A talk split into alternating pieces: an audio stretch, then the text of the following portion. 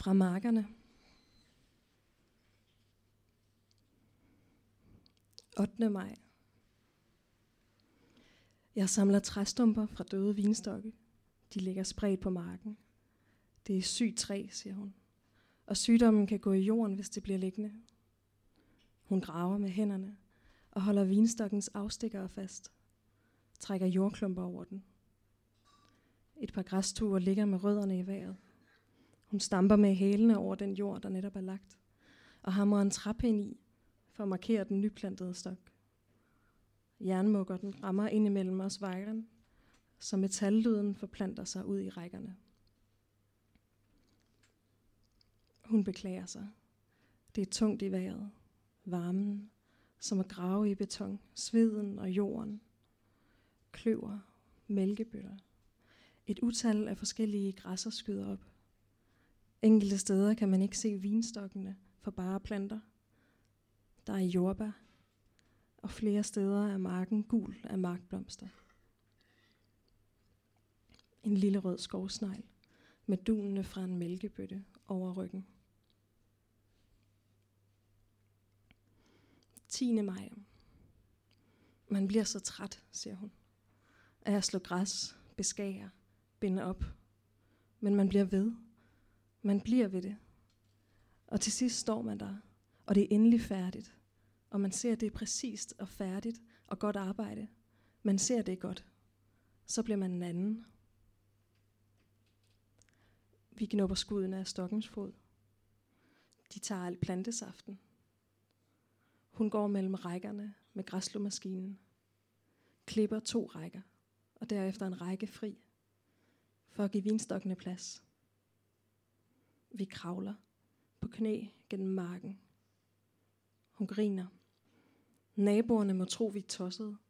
Man kan jo ikke se, hvad vi har lavet i alle disse timer. 14. juli. Bankende sol og hede, som har stået på i to ugers tid i hele Frankrig nu. Grenenes knopper er blevet til lange, lyse stængler. De længste af dem er over en meter, og de flagrer i vinden over vejerne. Jeg kan genkende savagninstokkens hjerteformede blade og pulsarer på deres rødlige skær. Flere af stokkene har fået melduk, hvide pletter på bladene. Vi sprøjter saltvand forsigtigt på de sårede blade. Angrebet af værsten af skoven, fugten og trængslen fra alle de andre arter. Hun har spændt kovertanken på ryggen og med venstre hånd kan hun pumpe brændende ekstrakt ud gennem forstøveren. Hendes bevægelser er flydende, sender væsken i store buer over rækkerne. Ved klaserne kan man se, hvordan de små brune støvfangere fra blomsten har vristet sig fri og tilladt de første små bitte druer at vise sig. De næsten navnløses rum – Der er ingen lyde i skoven. Fuglene sover. Vinden er stille. Planterne hviler deres blade. Skoven er en stor udånding, så fælles og præcis, at min krop sanser det, før bevidstheden kommer. Og utrygheden. Der er ingen lyde. Jeg tør ikke nærme mig granernes mørke. Kun langsomt bliver kroppen tryg ved natten. Jeg holder om mine arme for at finde ro, bøjer knæene under mig og ruller sammen i det kølige græs. Kan du se, at jeg dør, spørger jeg. Der er stille i mit hoved. Kan du se, at jeg er ved at dø? spørger jeg igen. Der er kun stille. Det flyder ud, tankerne fra mit hoved. Som blod flyder det ud af mit hoved. Kan du se, at tankerne er som blod? Der er kun stille. Hovedet bliver flydende. Blodet bliver til vand. Jeg sidder tilbage i skovbrynet, optøet. Kun et bankende hjerte i min favn. Fuglene er overalt. Jeg ser dem lette fra marken, som et tæppe, der løftes. Jeg ser jorden og vandet. Ser, at mørket, der skjulte jorden, var fugle. De letter. Flyver i tusind retninger over jorden. Himlen er sort af fugle. Knitrende. Luften mættet af levende kroppe. Der er et hul i mørket, hvor regnbuefarverne danser. Oliespor eller sjæle, der slynger sig i rester af dagslys. Danser i det stjernefyldte mørke bag mine øjne. Fortæl mig, at natten hviler sig tæt omkring os. At den finder en tryghed der. Skyerne samles, gråner. Regnen trækker dem tættere sammen og falder. Kroppen er udstrakt og gennemblødt, som jorden. Så tager vinden regnen væk, flytter skyerne over himlen, og jeg lukker øjnene igen.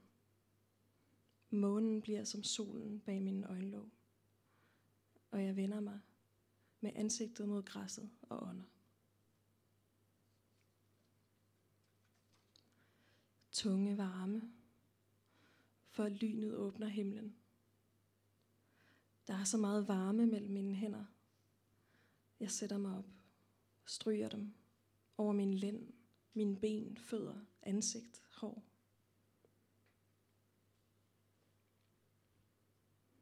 Magnolierne har foldet deres silkeblade ud over hele byen.